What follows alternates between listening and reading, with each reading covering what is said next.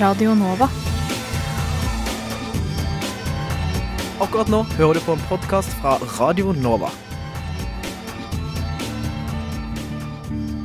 Dette for et hovedspørsmålet det hadde vært siden eh, Noam Chomsky etablerte den greina lingvistikken som, som jeg befinner meg Vi håper jo på breiest mulig oppslutning om SV, og jeg tror at det eneste som kan få norsk løsner båndene mellom staten og kirka, og forhåpentligvis fører til tettere bånd mellom kirka og folk. Så hadde de gjort som andre fjøringsbevegelser i verden, hadde de helt legitimt kanskje tatt i våpen. Og, og så direkte skildring av menneskeskjebner tror jeg ikke vi har sett i noen annen nyhetsdekning av noen annen terroraksjon. Det er såpass store forskjeller mellom den kalde krigen, hvor det var to supermakter som sto mot hverandre, eh, og den situasjonen vi har i dag. Du hører på samfunns- og aktualitetsmagasinet Opplysningen 99,3 på Radio Nova. Opplysningen 99,3 på Radio Nova. Seksualundervisningen i norske skoler. Er den god nok?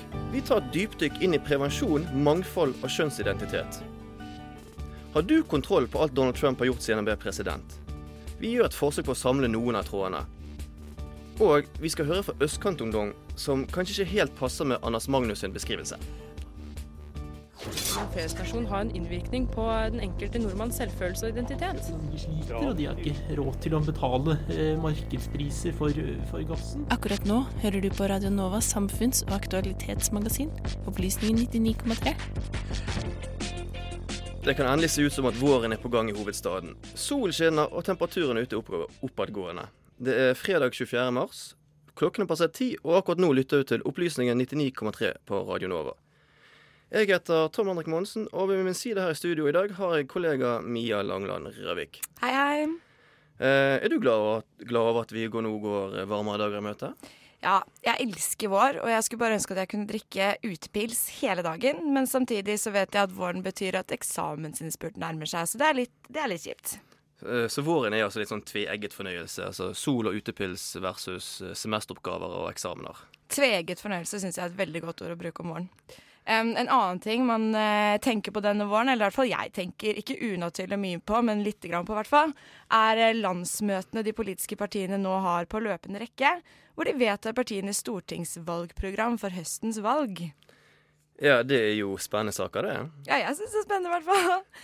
Høyre har allerede hatt sitt, hvor de endelig bestemte seg for å være for fedrekvoten. Og det er litt spesielt, for den har de vært harde motstandere av siden 2010. Eh, men det som kanskje vekket mest oppsikt i mediene, var jo det at Høyre valgte å utsette hele spørsmålet om eggdonasjon, på oppfordring fra selveste Erna Solberg og helseminister Bent Høie. Så det blir nok en interessant debatt å følge fremover. Ja, og så hadde jo SV sitt landsmøte der de kom frem til fem krav som de måtte ha igjennom for å sitte i regjering med Arbeiderpartiet, da, som da Arbeiderpartiet forkastet like fort som de ble lansert. Og denne helgen er det Senterpartiet som står for tur. Ja, der blir det sikkert mye ulv i fåreklær. Bare bom, Men eh, disse landsmøtene er jo ikke derfor vi er her i dag, da, for vi skal jo ha en sending om litt, eh, litt andre ting. For eh, du har jo laget et innslag eh, som vi skal høre litt senere i sendingen. Om da eh, seksualundervisning i skolen, der du har snakket både med noen ungdomsskoleelever og eh, organisasjonen Skeiv Ungdom. Hva inntrykk sitter du igjen med fra det? Nei, altså Vi har jo pratet om alt fra heteronormativitet til analpenetrering, eh, så det var noen gode samtaler. Men inntrykket jeg sitter igjen med, er at seksualundervisningen i Norge absolutt kan bli bedre. Surprise, surprise. Så vi kan altså se frem til et innslag, kanskje litt utenom det vanlige om ikke, om ikke så lenge, da. Ja, og så I tillegg til Mia sin reportasje, så skal vi også innom klima i dagens sending. Og så skal vi igjen ta for oss Donald Trump, for vi kommer jo nesten ikke utenom eh, den mannen. Radio Nova, FM 99,3 og radionova.no. Østkantens ungdomsmiljøer har vært i søkelyset den siste tiden. Nå skal du få høre om Groruddals klima- og miljøengasjement, for tidligere denne måneden var opplysningen nemlig på et klimatoppmøte der. Blant det vi fant, var regjerende norgesmester i slampoesi, klimavennlige Bodø-prosjekter og miljøaktivister i alle aldre. Heidi Sevold har levert følgende innslag. From now on, This gonna be Groruddalen first. Groruddalen first. Ungt engasjement har inntatt biblioteket på Furuset i Oslo. Plant mer i Grorud! Stopp forsøplingen! Her viser Miljøagentene, Norges største miljøvernorganisasjon for barn, fram sine kreative slagord. Miljøagent, pass på at planten ikke visner! Mer fot, mindre bil pil. La naturen leve, så slipper jorden å streve. Nå er vi lei, så de voksne må skjerpe seg. Blant tilhørerne er politikere, velforeninger, borettslag, kirken, mange ulike miljøvernorganisasjoner og engasjerte enkeltpersoner. Ikke mer motorvei, vi er drittlei. Miljøagentene står nemlig her for åpningen av det såkalte klimatoppmøtet i Groruddalen tidligere i mars i år. Bruk kode, vi har bare én klode. Bedrifter og organisasjoner har satt opp stands for alt fra gode bomiljøer til eh, friluft og en levelig klode. For her går det lokale og det globale hånd i hånd. Men miljøagentene er ikke alene om kreative slagord på det lokale klimatoppmøtet. Plan- og bygningsetaten, Future Built og stiftelsen Betanien er det nemlig for å presentere et boligprosjekt i Ulsoltveien 31 med slagordet 'Smart drabant i forkant'. Eh, Vi har et stort fokus at det er gode på arkitektur og det å bo i eller ha arbeidsplasser i, altså det er gode bygg. Men det som er utfordrende, er at eh, prosjektene skal redusere klimagassutslipp med 50% Dette er Ulla Hahn.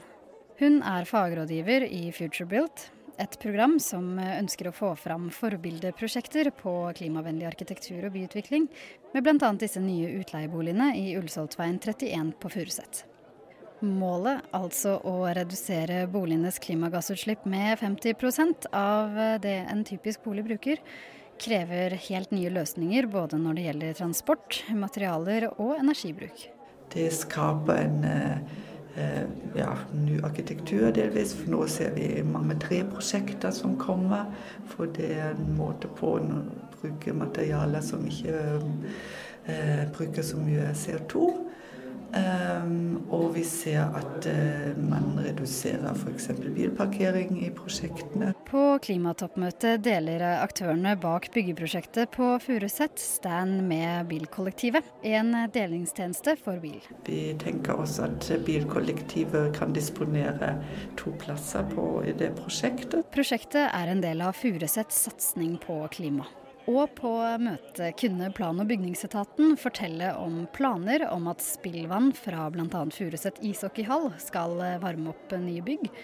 Om overskuddsvarme som skal gå til veksthus som lokalbefolkningen kan få glede av. Og en hagelandsby for eldre med kognitive utfordringer, bl.a. Boligprosjektet i Ullsåsveien 31 gir i sin tur prioritet til unge som nettopp har flyttet hjemmefra. Og Det viste seg at det er veldig mange unge som er engasjert i Furuset, ønsker å bli boende her, og har også ønske å bo på en ny måte og har lyst å bli værende i, i bydelen. Vi er altså da dette ungdomsengasjementet som ble nevnt. Vi er her fortsatt. Dette er 18 år gamle Thomas Alexander Hagen fra Stovner Media. Og jeg jobber også i Vår Grøndal sammen med Ahmed og Audi og Ali og Thor, som kommer fra WildX. WildX er en flerkulturell frilufts- og miljøvernorganisasjon som bl.a. tar med seg ungdom ut i frilufts i Groruddalen. Sammen så har vi bestemt oss for å lage Vår grønne dal.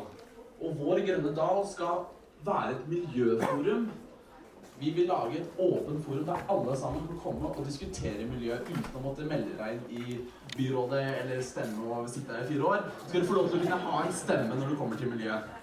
Vi har et miljø i Groruddalen. Og vi unge vi er ikke bare generasjonen som klager over forurensning mens vi sitter og øvelseskjører. Vi er faktisk generasjonen som bryr oss om dalen og faktisk har lyst til å gjøre en endring. Og vi starta da med Fossumbekken. Fordi den ser ikke veldig bra ut. Ja. Guttene viser fram en flaske med tydelig skittent vann. Der er vannet fra Fossumbekken. Det ser mer ut som kaffe enn vann. Uh, nå skal gutta ta noen vannprøver og gjøre det live. Guttene tester vannet og påviser høye innhold av ammonium, nitrat og nitritt. Det er farlige stoffer. Det er stoffer som er skadelige for dyreliv. I tillegg til forskere, politikere og andre innledere gjestet også regjerende norgesmester i slampoesi, Evelyn Rasmussen Osasua, Groruddalens klimatoppmøte. Hva syns du om et arrangement som det her? Hvorfor vil du være med og stille opp? Fordi jeg syns det er viktig, og jeg tror det handler veldig mye om uh, informasjon, rett og slett. Fordi for min del så jeg blir ofte bare Jeg blir fortsatt overraska, eller jeg blir overraska hele tiden over ting jeg ikke har tenkt over. Sånn, det ene programmet som gikk på NRK her om dagen, som var sånn her uh, handla om uh, bare ja, hvor mye man tar fly, f.eks. Hvor mye det kan Ja, hvor ja, hvor dårlig det er, holdt jeg på å si, som jeg ikke har tenkt over. ikke sant? Så for meg handler det om jeg gjør mitt og driver og snakker om de tingene jeg er opptatt av og interessert i. og så er det noen på den andre siden som holder på med noe helt annet. Og så er det bare å møtes og bare utveksle informasjon, tror jeg har veldig mye å si, da. Så, mm. Nå skal du få høre diktet hennes i sin helhet gjennom en litt sensitiv mikrofon. Uh, hei, alle sammen! Hei. Det er hyggelig å være her. Uh, jeg skal uh, ja, fremføre et dikt eller en slam på Nei, ja, men det er litt vanskelig å ikke puste. Nei. Ikke nedover. Ikke sånn. sånn. Sånn. Jeg kan Takk! Å, så snill du er. Jeg får lov å puste. Ok. Eh, er det noen som har hørt om slampoesi før? Ok, tre stykker. Ok, men det er fint. Fire stykker. Eh, jeg skal ikke si så mye om det. Jeg bare skal gi dere en smakebit eh, av hva det, hva det er jeg driver med. Og så får vi se om dere liker det etter hvert. Diktet heter 'Hun er syk'. Hun er syk. Hun har hoste og feber. Temperaturen stiger, håpet synker. Hun trenger hjelp. Jeg trenger at hun overlever. Blodomløpet hennes kjemper. Blodomløpet transporterer oksygen fra lungene til de andre indre organer. Leverer fra seg karbondioksid, så lungene kan puste ut avfallsstoffene. Men hun får ikke puste. Hun er syk. Hun nyser. Og når hun nyser, stormer det 5000 regndråper med en hastighet på 120 km i timen. Visste dere det? At et nys har samme hastighet som en orkan. En orkan som leker voldsomt, ødelegger, legger byer under vann, tar sjeler, stjeler hjem. Gud, hvorfor har du forlatt meg? Tatt fra meg alt, latt meg være igjen hjemløs, håpløs, morløs, barnløs, liv, liv, i live, alene, kald. Jeg fryser, vi nyser når slimhinna i nesa blir irritert. Når den blir plaga av infeksjoner. Når bakterier og parasitter utnytter organismen til sin fordel. Allergi, dvs. Si noe organismen ikke tåler å bli utsatt for. Anatomiske forandringer, frost, tørke, for høy varme, motstand organismen ikke klarer. Et nys er kroppen som svarer 'jeg forsvarer meg'. Men til ingen nytte. Hun nyser for å beskytte luftveiene, så hun skal kunne slippe ut klimagasser i atmosfæren. Vi voksne består av ca. 60% vann. Et lite barn består av ca. 75% vann. Akkurat som henne. Hun er et barn. Et sykt barn med stigende feber. Svetten renner ned fjelltoppene. Hun gråter tsunami og nyser orkaner, og hosten hennes vekker vulkaner. Og når hun roper på mor, rister jordoverflaten. Gud har ikke forårsaket dette. Vi har forårsaket. Vi kan stoppe utviklingen. Vi har fem forskjellige typer blodårer i kroppen vår. Hun har fem forskjellige verdenshav. De frakter varme fra lav til høy breddegrad, fra organismens høytrykk, ekvator, hennes hjerte. Hennes hjerteslag pum, pum, pumper Atlanterhav, Nordishav, Indiahav, Sørishav, Stille sj, hav. Hun er syk. Hun har fått parasitter. De utnytter henne for å få næring. Lever oppå huden hennes krever plass. De blir fler og fler. Hun blir mer og mer syk. Og de bare hoper seg sammen, graver seg ned, pumper ut olje og bruker det til det ikke er mer igjen å bruke. Til det ikke er mer igjen å snylte på. Til det ikke er mer. Noen parasitter forårsaker få og milde symptomer, mens andre påfører verten sykdom som i verste fall kan være dødelig. Skjønner ikke parasitten at når organismen den lever på dør, så dør den òg? Det er flere mennesker på flukt pga. klimakatastrofer enn pga. krig. Det er flere mennesker på flukt pga. klimakatastrofer enn pga. krig. Takk for meg. Det er jo klart for de fleste at noe, noe er galt med verdensøkonomien. Alvorlig galt. First thing I, I went into prison, a young man, and I got out of it a very old man.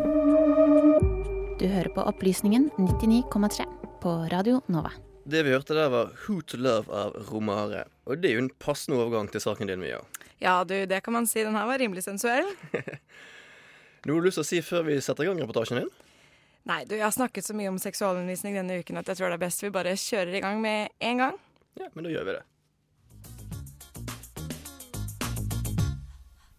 Let's talk about sex, baby. Let's talk about you and me.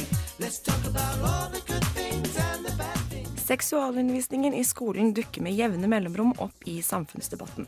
Hva skal undervises, og hvordan? Ifølge forskning.no har seksualundervisning i skolen vært et tema for debatt helt siden slutten av 1800-tallet. Familien og religiøs tro hadde ikke lenger like stor makt over moralen rundt seksualitet, og skolen ble en ny plattform for kontroll. I 1935 ga legen Otto Loes mor ut en læreveiledning med navnet Forplantningslære som fag i våre skoler. Her var bl.a. budskapet at dersom kvinner var for imøtekommende mot menn, ville dette fort bli betraktet som en oppfordring. I 1950 ble forplantningslære obligatorisk fag i folkeskolen. Hovedfokuset var jenter og hvordan de skulle unngå uønsket graviditet. Det ble også advart om gutters sterke seksualdrift og om alle de negative konsekvensene av sex. De neste tiårene var seksualundervisningen preget av samfunnets utvikling og konflikter med kirken, tenåringsgraviditet, kristen moral, seksuell frigjøring og ny kunnskap om prevensjon var ikke lett å forene i seksualundervisningen. Læreveiledningen fra 1974 la vekt på at familielivet skulle være likestilt. På 80-tallet blir prevensjon et hovedtema. I tillegg trekkes andre organisasjoner inn i seksualundervisningen, som f.eks. DNF 48, forløperen til Landsforeningen for lesbiske, homofile, bifile og transpersoner. I dag er kontroll over egen kropp og identitet sentrale temaer, både på barneskolen og ungdomsskolen. Det kan virke som at vi har kommet langt siden Otto Lohus mor satte seksualundervisning på dagsorden i 1935. Men hvordan opplever ungdommen seksualundervisningen de får i dag? Jeg skal bare Hvordan ta på kondom? Det, det er sånn Jeg snakket med tiendeklassingene Amalie, Jonas, Isak, André og Linnea om seksualundervisningen de har fått. Jeg følte man lærte mye mer på konfirmasjonskurset enn man egentlig lærer i skoleundervisningen. Fordi F.eks. For på konfirmasjonskurset på Humanitisk Formen, da diskuterte man veldig mye sånn hvem man er og sånne ting. da. Ikke bare sånn ja, hvordan man blir gravid som man gjør på skolen. da. Ja, fordi Hva er det egentlig dere har hatt om på seksualundervisningen sånn på skolen? Eh, Jeg syns vi hadde veldig mye om jenter, i hvert fall. Om mensen og at de må huske å si nei. Og da følte jeg litt at eh, gutta bare satt og eh, ja, ikke fikk deltatt så mye, da. Ah, Syns dere at uh, seksualundervisningen dere fikk var informativ, eller var det bare var det kjedelig? Jeg syns det var veldig bra og interessant. Hun damen som vi hadde, i hvert fall, var veldig flink til å svare på spørsmål. Det var ikke så veldig mange som stilte spørsmål. Men eh, jeg lurte litt på det med analpenetrering, da, eksempel. Om eh, det er eh, Jeg har hørt så mye om det, liksom. Og selv om spørsmålet kan virke useriøst, så var hun veldig flink til å svare på det og ta så, så seriøst som hun bare kunne, liksom. Ja, men Det er jo kjempebra. Følte dere at det var et sånt miljø hvor dere kunne rekke opp hånden og stille de spørsmålene dere ville, eller var det liksom bare klein, vanskelig stemning i hele klasserommet? Man er alltid redd for å si noe teit. For det er jo klasserever rundt seg som du er redd for å si noe teit til. Så det var jo ikke helt åpent. Det var ikke som å være alene med den personen. Har dere hatt seksualanvisning med helsesøster også? Vi hadde en fra Sex og samfunn. Ellers har vi hatt naturfaglæreren, tror jeg. Hva var det Sex og samfunn snakket med dere om? Det som står på hjemmesiden. Nei, med kjønnssykdommer og beskytte deg når du skal ha sex og alle de der vanlige tingene. Men eh, grensesettingene og sånn. sånn. Ja, vi hadde ikke egentlig så mye om grensesetting. Det var bare at man skulle si nei om det var noe man ikke var komfortabel med. Tror du det er mange som eh, ikke helt får svar på det de lurer på, og så går de på internett i stedet og ser på porno for å finne ut av eh, ting de burde fått vite? Nei, egentlig ikke. Jeg vil tro det er helst, eller flest gutter som gjør det. Jeg tror eh, flere jenter snakker eh, seg imellom, men jeg tror det er flest gutter som går inn på porno. Men det har de gjort fra før av ganske mange år sikkert. da. Det har blitt mer opplyst da i det siste at man ikke skal se på porno for å lære om sex. Det er mange, det er, en- ja, det er noe man sier om og om igjen. Jeg lurte også litt på det med homos homoseksualitet og det å være lesbisk og bifil og sånne ting. Er homo et skjellsord man bruker eller har brukt i løpet av barneskolen og ungdomsskolen sånn mye? Ja, det kan bli det. Selv om man ikke mener det. Men eh, jeg tror det er fordi folk vet så lite om det å være homofil, så det kanskje virker ukjent. Og eh, derfor kan det lett bli eh, et lite skjellsord, ja. Eh, jeg synes at Da vi snakket om homofili og det å være lesbisk, så syns jeg vi snakket om det som en veldig uvanlig ting. da. Og det var spesielt på en ikke-god måte å være homofil eller lesbisk. Jeg syns vi heller burde pratet om det som et mye mer vanlig tema, at det var helt normalt å være det. Um, jeg husker altså at eh, jeg stilte noen spørsmål om hvordan det var å være eh, transe eller transseksuell. Um, jeg husker at læreren kunne ikke svare på noen av spørsmålene. Så også det var jo egentlig ganske overraskende at man på en måte ikke fikk noe informasjon om det. Så det syns jeg man burde lære mer om, nå som flere og flere faktisk blir det. Syns dere det virker som om lærerne på en måte kan nok om de temaene de skal undervise? Eh, altså, Læreren vår er eh, veldig flink. Han kan masse om disse temaene, men han kan jo ikke det om å være homofil eller være lesbisk eller være transvestitt. Han har jo ikke opplevd noen av de tingene, så det er kanskje vanskelig å svare på hvordan det er å føle seg som en av de tingene, da. Det kunne vært en idé å ha en homofil og en lesbisk i klassen. Eller en spesiell, ja, som kunne lært om det. Som liksom kan det, da. Altså jeg følte at egentlig sånn, det var flere av elevene som kunne mer om seksualundervisningen enn egentlig læreren kunne. Er det andre, andre steder enn i seksualundervisning og eh, porno dere har lært eh, om sex? Skam f.eks. Har det vært eh, en hjelp? Så jeg tror skam har vært til hjelp eh, vært eh, ekstremt mye for de som i hvert fall er homofile. Det at det er eh, veldig trygt. Det er det man har venner for. Det er mye tryggere å snakke om hvis du er homofil og ikke har sagt det til noen, så er det mye tryggere å komme til en venn. Er det noe du syns har vært bra med seksualundervisningen som dere har fått? Ja, det praktiske arbeidet f.eks.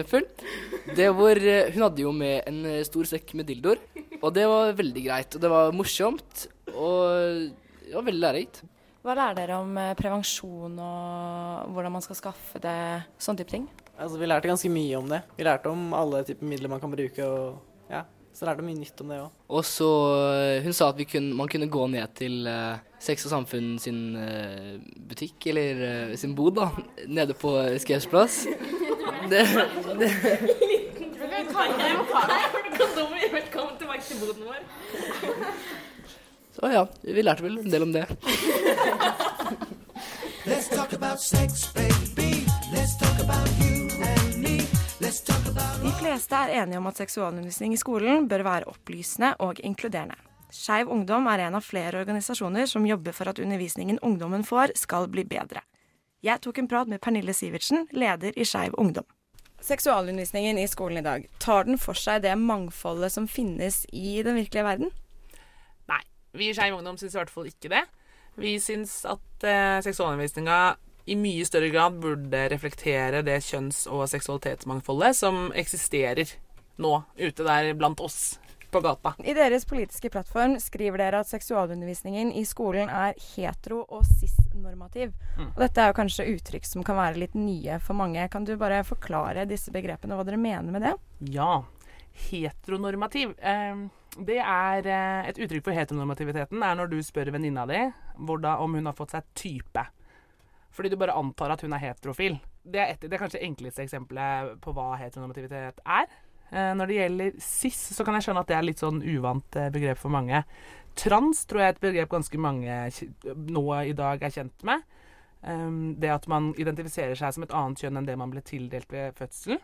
Eh, cis er jo da når man Altså det motsatte av trans. Sånn som jeg, som ser ut som en kvinne, eller det man tenker er en kvinne, og identifiserer meg som en kvinne. I Skeiv Ungdom så mener dere også at normkritisk undervisning er viktig. og Da kan vi kanskje begynne med å bare definere hva er normkritikk, egentlig? Normkritikk er jo det som vi i Skeiv Ungdom kanskje jobber aller aller mest med. Eh, nå forklarte jeg nettopp hva heteronormativiteten er. Det er den som eh, gjør at vi tror at alle rundt oss er heterofile. Vi, så kan man velge sånn toleransepedagogikk, der man er sånn Det er helt greit å være homofil, altså. Vi, jeg kjenner en som deg, jeg tolererer deg som homo eller bifil eller lesbisk. Helt greit. Kjempebra.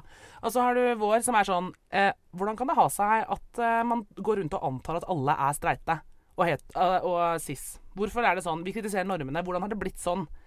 Altså, Det er på en måte en litt annen innfallsvinkel. Eh, så for Et eksempel kan det på en måte være å Jeg er ikke interessert i å bli tolerert fordi jeg er skeiv. Det kunne ikke brydd meg mindre. Jeg bare for, forventer at folk forholder seg til det som de forholder seg til alt mulig annet. Eh, jeg er kritisk til den normen, eller den ideen om at alle er eh, streite. Det er liksom den normen som vi snakker om, og det tror jeg på en måte man bruker litt lite tid på i seksualundervisningen i dag. At man bare tar utgangspunkt i at her er et klasserom fullt av heterofile, og så Mm. hva føler dere om at én i klassen er lesbisk, f.eks.? Mm. Den rare homofile, eller Ja. Og det er jo typisk sånn en homofile blir, liksom, blir ofte brukt som et sånt eksempel, da. Altså egentlig så er det jo Altså jeg forstår altså, Man tenker at det kanskje ikke er helt nødvendig. Man kan snakke om eh, forskjellige måter å ha sex på, mange ulike seksualiteter. Det er veldig mange personer som identifiserer seg som heterofile, som ligger med personer av samme kjønn. Eh, menn som har sex med menn, er ikke det samme som homofile menn, f.eks. Men den altså den, det skillet der, det på en måte går man helt glipp av eh, i seksualundervisninga i dag. Og det er ganske dumt, for da er det jo litt sånn at når man da er la oss si 15 år, da, så, og så har du ikke lyst på sex. For det, bare, det har du ikke. Alle de andre i klassen har lyst på det. Og så tenker du at det er noe veldig rart med deg. Men så er det ikke det. Det er bare at du er aseksuell. Eh, du bare vet ikke hva det heter, for det er det ingen som har snakka om i, i klasserommet når du har vokst opp. Så det er mye når det kommer til seksualitet vi ikke snakker om i seksualundervisningen i det hele tatt, eller uten en normkritisk vinkling, da, som dere i Skeiv Ungdom eh, kaller det. Mhm. Hva kan konsekvensene være av en seksualundervisning som er ekskluderende, eller som ikke innebærer alle de elementene den bør ha? Jeg tror den seksualundervisninga som vi har i dag, er nok med på å opprettholde den der følelsen av oss og dem, sånn heterofile og skeive. Eh, men også den, der, den følelsen av å være rar eller annerledes eller skille seg ut, og at det i seg selv er noe negativt. Da, sånn, som, sånn som aseksuelle, eller folk som at eh, Eller folk som er interessert i å ha kjæresterelasjoner med flere enn én. Eller som ikke er interessert i monogame relasjoner. Vil ha åpne for alle disse tingene her, når man ikke får Altså, Da blir man kanskje litt usikker på seg sjøl. Sitte og tenke litt sånn Hva er rart med meg, eller er det noe galt med meg? Og det er sånn Det trenger man jo ikke å tenke. Det er Nei. ikke noe galt med deg, selv om du ikke liker å ligge. Det er greit. Og det skal man gjerne få beskjed om i naturfag i 10. klasse. Ja, eller før. Ja, helst før. Men problemet med seksualundervisning og det altså manglende seksualundervisningen har, ligger problemet i skolen, eller ligger det på politisk nivå? Hvor er det man skal ta tak for å gjøre seksualundervisningen bedre, mener dere? Ja, jeg tror det ligger flere steder. Det er ikke skolens ansvar aleine. Eller det vil si, det er jo de som underviser elevene. Men, men eh, det er jo ikke my myndighetene må jo stille noen krav da, til hva slags kompetanse lærerne skal ha når de skal undervise våre ungdommer i, i seksualitet og kjønn. Ja, for i dag så er det sånn at i lærerutdanningen så innebærer ikke det opplæring i seksualitet eller kjønnsidentitet eller alle disse tingene vi har pratet om nå. Nei. Det er jo helt opp til eh, lærestedet, altså universitetet eller høyskolen der, der man utdanner lærere. Da. Eh, de aller fleste er nok ganske dårlige på å inkorporere det. Og så er det heller ikke et bestemt timeantall. Så jeg synes Det er dårlig gjort å legge det over på den enkelte lærer. For det, for det ikke, altså de har ikke fått verktøyene og den undervisninga de trenger de når de ble utdanna seg til lærere, for å kunne gjøre det på en ordentlig måte. Så her tenker jeg det er vel et samspill mellom både myndighetene eh, og utdanningsinstitusjonene. Og også selvfølgelig at lærerne sjøl kanskje kan bli litt mer komfortable å, med å snakke om andre ting enn mensen og forelskelse. For seksualitet og kjønn er utrolig mye mer enn de der litt sånn komfortable tingene, da. Spørsmålet blir da hvordan man kan kvalitetssikre en lik eller en god seksualundervisning for alle elever, ettersom det er ganske opp til den enkelte lærer å, bestemme selv hva man har lyst til å prate om i timen. Vi er vel opptatt av at det skal settes både krav til hva slags utdanning lærerne har. Eh, de lærerne som skal undervise i, eh, seksualundervisningen. Og at det settes av et visst antall timer. Så må man faktisk sørge for at alle elever i hele landet får den samme seksualundervisninga. At ikke det er helt vilkårlig hvilken lærer du tilfeldigvis har. Endte opp med å få i seksualundervisning. Ja, For det, det ser vi at det har ganske mye å si. Og med det avslutter vi dette intervjuet. Tusen takk, Pernille Sivertsen, leder i Skeiv Ungdom. Radio Nova.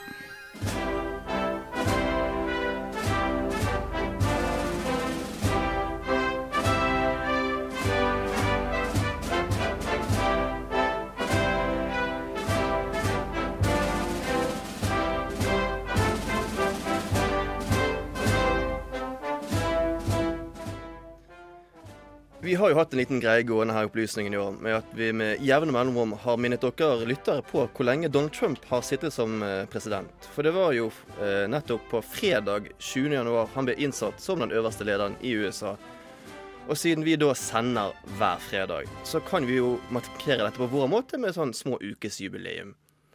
Vi har jo tidligere laget sånn eh, lydsnutter med diverse innhold, som vanligvis ender med Trumps nå kjente 'grab them by the pussy'-sitat. Men vi har også hatt besøk av deg, Mats eh, Motrøen, eh, skribent for Minerva og eh, amerikanskpolitikk.no før. Og velkommen tilbake. Tusen takk. Eh, Du var jo her hos oss for ca. halvannen måned siden og snakket om disse presidentordrene som da Trump fylte ut en del av.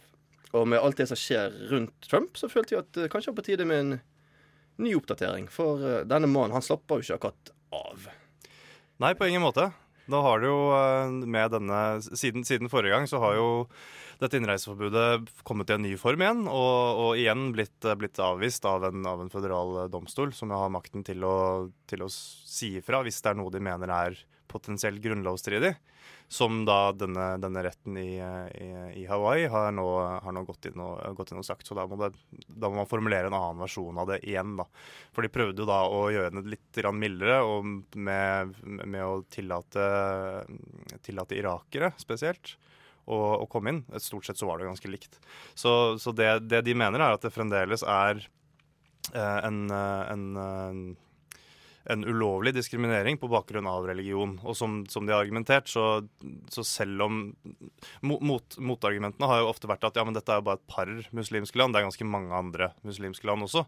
Men eh, dommeren sier da at du må ikke diskriminere en, hele eh, eh, religionen, altså alle liksom 1,5 milliardene menneskene, for at det skal være en eh, diskriminering av muslimer. Så det, det er der det står. Så det er da et potensielt grunnlovsbrudd som, eh, som, han, som han baler med, i tillegg til mye annet nå om dagen. Ja, og det er kanskje det siste han får si baler med, er jo denne helseloven som eh, da skulle opprinnelig bli ha, skulle vært avstemning om den natt til i dag, Ja. men som nå er blitt utsatt til seinere i dag. Eh, Hvorfor det?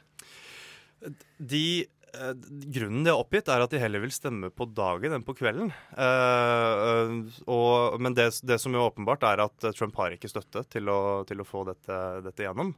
Og han, jo, han gikk jo hardt ut gjennom valgkampen og skulle avskaffe Obamacare. Eh, og det har vært en, et mål for republikanere i, eh, i nå syv år. Det var jo syv år siden i går nøyaktig at uh, Obamacare ble, ble stemt igjennom. Og det som, det som jo skjedde, var at de formulerte en ny helselov som het American Healthcare Act, som skulle da erstatte Obamacare. Og denne skulle da ta vekk noen av eh, tingene som var i, eh, som var i eh, Obamacare. Annet at du skulle ha en straffeskatt hvis du ikke hadde forsikring. En del sånne ting. Um, men bevare noen av de mer populære delene. Um, sånn som at du dekkes av din foreldres forsikring inntil du er 26. Du kan aldri bli nektet forsikring, som en annen ting. Eh, men så har det da seg slik at det er en gruppe svært konservative republikanere i, i Kongressen som ikke syns at dette er nok. Og de, eh, de sier da at vi stemmer imot dette inntil du formulerer et, eh, formulerer et forslag som totalt fjerner alt fra Obamacare.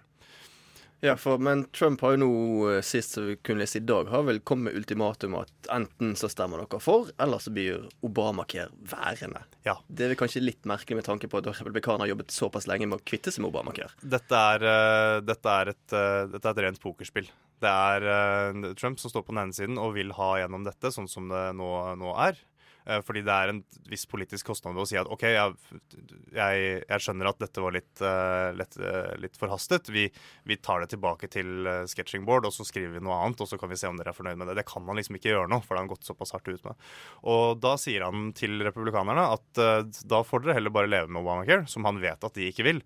Men de konservative republikanerne vet også at dette er veldig viktig for Trump. Så de står da fremdeles på, på at vi skal ha en annen versjon som, som sier at eh, som, som fjerner flere, eller mer av Obamacare da, enn det denne, denne nye loven gjør.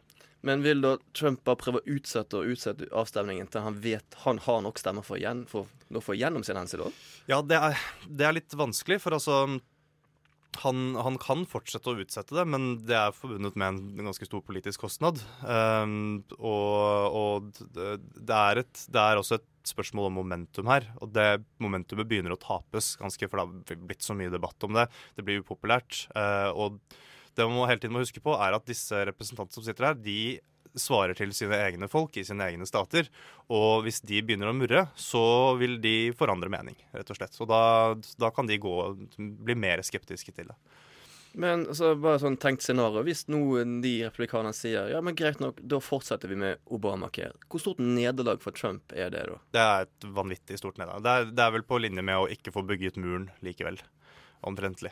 Så det, det, er, det er veldig viktig for han. Og det, det, det Altså, én ting er jo nå avstemningen som skal etter planen foregå i, eh, i dag i Representantenes hus. Der må han ikke miste mer enn 22 eh, republikanere, og det står han i ganske stor fare for å gjøre. Hvis han greier det, så må det gjennom Senatet. Og der blir det vanskeligere, for der har de en enda mindre margin å gå på. Så det ser ikke bra ut for eh, den nye helseloven til, til Trump. Altså. Så vi får nesten bare vente og se utover dagen hva, hva utfallet egentlig blir. Rett og slett. En annen ting som måtte ha skjedd denne uken med Trump, var jo da på mandag så var det jo en høring eh, med FBI-direktør Comey og NSA-direktør Rogers om da disse forbindelsene til Russland da, og det var også da uh, Trumps eh, påstand om at han ble da avlyttet av uh, Obama, da. Ja. Hva konklusjoner uh, fikk vi der?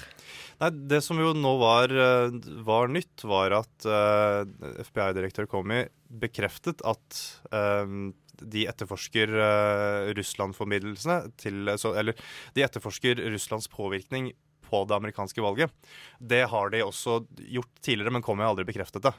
Uh, det er gjort det fra i sommer, har de fleste. Det er mange kilder som har sagt. Og det er også de samme kildene har sagt at de har også etterforsket Trumps forbindelser, eller da de som har jobbet med Trump eh, og har deres forbindelser med, med Russland. Blant annet han Manafort, som er den mest kjente, som jobbet som en politisk rådgiver for han Janukovitsj i Ukraina, som var den russiskvennlige eh, presidenten der. Eh, men dette har aldri blitt bekreftet. Og det som skjedde på mandag, var at Komi sa i denne høringen til, eh, til, eh, i Representantens hus til den etterretningskomiteen at eh, jo, vi, vi etterforsker faktisk dette, og vi etterforsker også da eh, linkene som eventuelt finnes, eh, eller hvem, hvem som har hatt kontakt, om noen har hatt kontakt da, med, med, med, russiske, med, med russisk regjering, rett og slett, eller offisielle personer i, i Russland. Sånn som jo noen tidligere, eh, sånn som Michael Flynn, måtte gå av eh, med, for han hadde, han hadde snakket da utilbørlig med, noen eh, ambassadører, diplomater. Ja, og det Obama-påstanden til Trump, den var det ikke noe grunnlag for. Nei, ifølge eh, Rogers, NSA-direktøren, så sa jo han at, at dette, er, dette har jeg ikke jeg noe kjennskap til. Det er ikke noen, er, jeg kan si med stor sikkerhet at det er ingen som Eller at Obama ikke har har, eh, har bestilt noen avlytting, som, som er en totalt absurd påstand. Eh, og, og avkreftet da også dette at han ble, han ble avlyttet av Obama. Men det som er litt underdekket i den saken der, er at det er fullt mulig at han har blitt avlyttet. Uh, og det har kommet fram nå, det er en uh, lederen for denne, denne etterretningskomiteen som Comey uh, snakket eh, for eh, på mandag. Han har nå gått ut og sagt at han har et dokument som han har fått, som viser at det foregikk avlytting av, av Trump og hans, eller av hans team, da rett etter valget.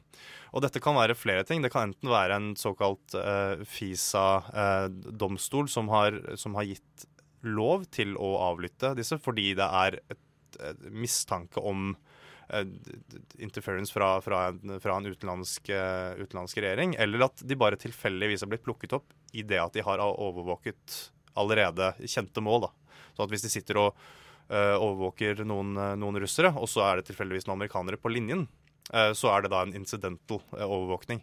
Og det er det han, eh, han eh, mener, han eh, lederen for, eh, for denne komiteen, at eh, det har forekommet. Han har også da dratt og brifet presidenten på dette, som han har fått en del kritikk for, fordi man skal ikke brife de man etterforsker. Og det er for så vidt ganske legitim innvending, syns jeg. Ja, eh, bare en tenkt situasjon igjen. Hvis FBI da kategorisk kan si at eh, Trump ble president ved hjelp av Russland eller russiske interesser, da, hva, hva kan skje med han da? Nei, det er veldig spennende. Eh, for altså, hvis, hvis, hvis man antar at han ikke har gjort noe ulovlig, men at det er en men at det er, eh, har vært en russisk eh, påvirkning, en betydelig påvirkning på, på valget. Det vil jo da i tilfelle være påvirkning i forkant. Altså, jeg tviler på at de har, liksom, at de har tullet med, med stemmegivningen, for da, da blir det vel krig. Um, det, det, det, så det, har mest sannsynlig ikke skjedd. Men hvis det skulle være slik, så vil jo han miste en god del legitimitet hos kanskje enda flere amerikanere, men han Det er det som kan sies da, altså Gjennom den siste uken her, så har du hatt, hatt Russland-saken, og så har du hatt helselovgivningen. Og det viser seg at helselovgivningen reagerer veldig mange amerikanere på, og han det ser ut som han mister litt støtte pga. det. Det ser ikke ut som han mister noe støtte pga. eventuelle Russland-anklager, så det er ikke noe folk bryr seg like mye om. Og hvis man da skal gå og trekke noen for eventuell riksrett, eller kritisere eller underminere da presidentskapet hans på bakgrunn av Russland-anklager, så, så kan det bli ganske mye opprør, rett og slett. Altså ikke nødvendigvis bokstavelig, men han, han vil da ha eh, fremdeles mye støtte i, i folket. og det vil bli en veldig vanskelig situasjon. Ja. Kort fortalt. Kort fortalt, ja. Eh, ja, altså Trump har nå sittet i ni uker, eller to, litt over, så vidt over to måneder som president. Eh, altså, hva, hva har vi lært på de to månedene, egentlig? Nei, Vi har lært at eh, det vi, og jeg i hvert fall, trodde skulle skje, det skjedde ikke på noen som helst måte. Jeg tenkte at eh, ja, nå, nå må vi slutte å, å, å wine her. Eh, han kommer til å komme inn i, i, i kontoret og i Det hvite hus, og så kommer han til å bli litt kuet av alle de rundt han, av hele det politiske etablissementet. Og det har ikke skjedd. Han har liksom fortsatt i valgkampmodus, rett og slett. Og har ikke backet ned på verken bygging av eh, vegg eller, eh, eller noen andre Eller, eller altså spesielt da innreiseforbudet, som er det definitivt mest kontroversielle og uvanlige. eh, forslaget som man har kommet med. Helselovgivning er sånn Det ville noen andre republikanske presidenter ballet med uansett, så det, det er ikke noe kontrasielt sånn sett. Men eh, ja, innreiseforbudet er liksom en ren sånn valgkamp eh, valgkampgreie som, han, som han bare har fortsatt på. Det hadde ikke så mye å si at det ikke var gjennomarbeidet, men det skulle bare gjøres så fort som mulig. Han, så han virker ganske ivrig på å få, få bevist seg selv, på en måte. Og, øh, og ja. Eh, Så det er, det er vel det vi har lært. At han, han, han, er, han er seg selv lik, rett og slett. Ja, så Det vi ser, er at Trump han er egentlig en, altså han er en businessmann. Han er ikke en politiker eller en Mm. diplomat på den måten. Men altså, noe du tror kan forandre seg gjennom denne presidentperioden, eller vil han være like beiner hele veien ut, eller? Det, er ingenting som tyder på at han vil være noe annet. Men, øh, men som man ser med denne helselovgivningen nå, det, er, det er en god understreking av det poenget du nevner også, at han er en businessmann. Han går hardt ut. Han, han stiller et ultimatum til disse republikanerne. Enten så er det uh, min, uh, min deal, eller så må dere bare sitte her med den forhatte Obamacare-lovgivningen deres. Um, som jo ikke er Det er sikkert flere politikere som kunne tatt den, den holdningen, men han er, han er ganske hard da, på disse på, det, på denne, på denne business-delen, på forhandlingene, på liksom, ja, the art of the deal, eh, liksom. Og eh, så det, det, det tyder ikke på at han vil, eh, vil eh, vil roe seg på den fronten. Men, men ja, som sagt, eh, man ser nå at han kanskje må begynne å inngå noen kompromisser for å få ting gjennom Kongressen. For den interne politiske dragkampen er en veldig viktig stor del av, av politikken en, en president skal drive med, og må ha, han må ha alle republikanerne med seg. Og det er det han lærer nå. Og det vil nok sette noen følger for, eh, for videre tid også. At han kanskje jobber litt mer med forslagene før han, før han sender dem ut. Ja, for det er jo litt han der rett på sak, businessmann-personen som, som han er. da. Altså, du ser jo altså, du litt det han er på Twitter òg. Altså, det er jo veldig krasse, korte kommentarer der han er veldig altså, det, Han går ikke rundt grøten, for å si det sånn. Altså, skader dette den, personlighet, den personligheten han, eller er det fordelaktig for han?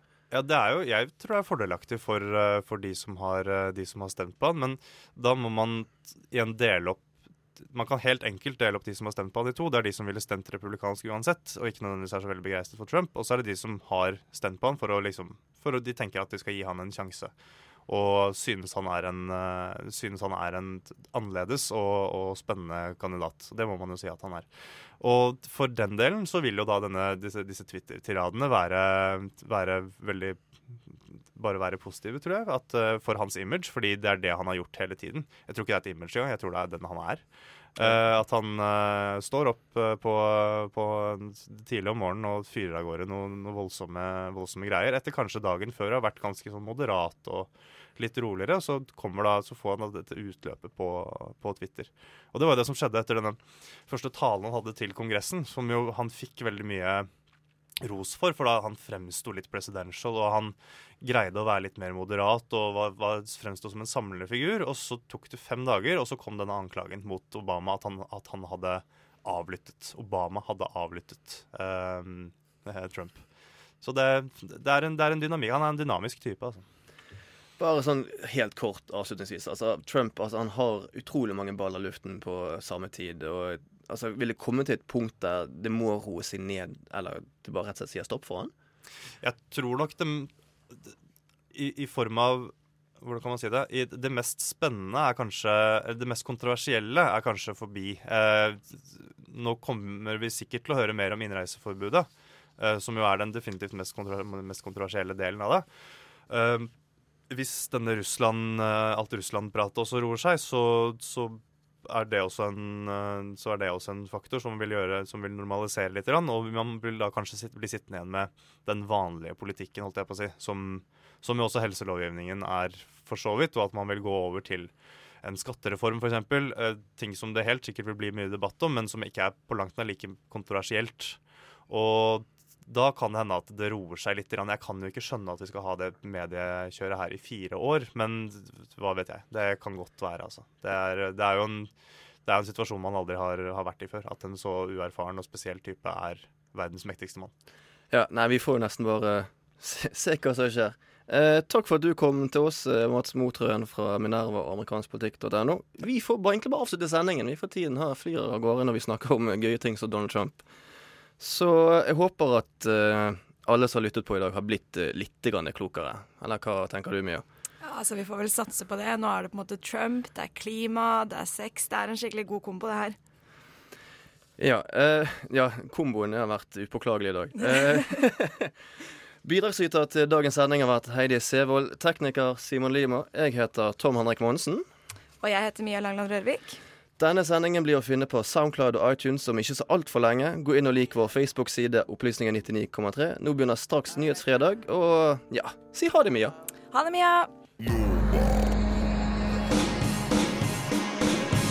Du har hørt en podkast fra Radio Nova. Likte du det du hørte? Du finner flere podkaster i iTunes og på våre hjemmesider radionova.no.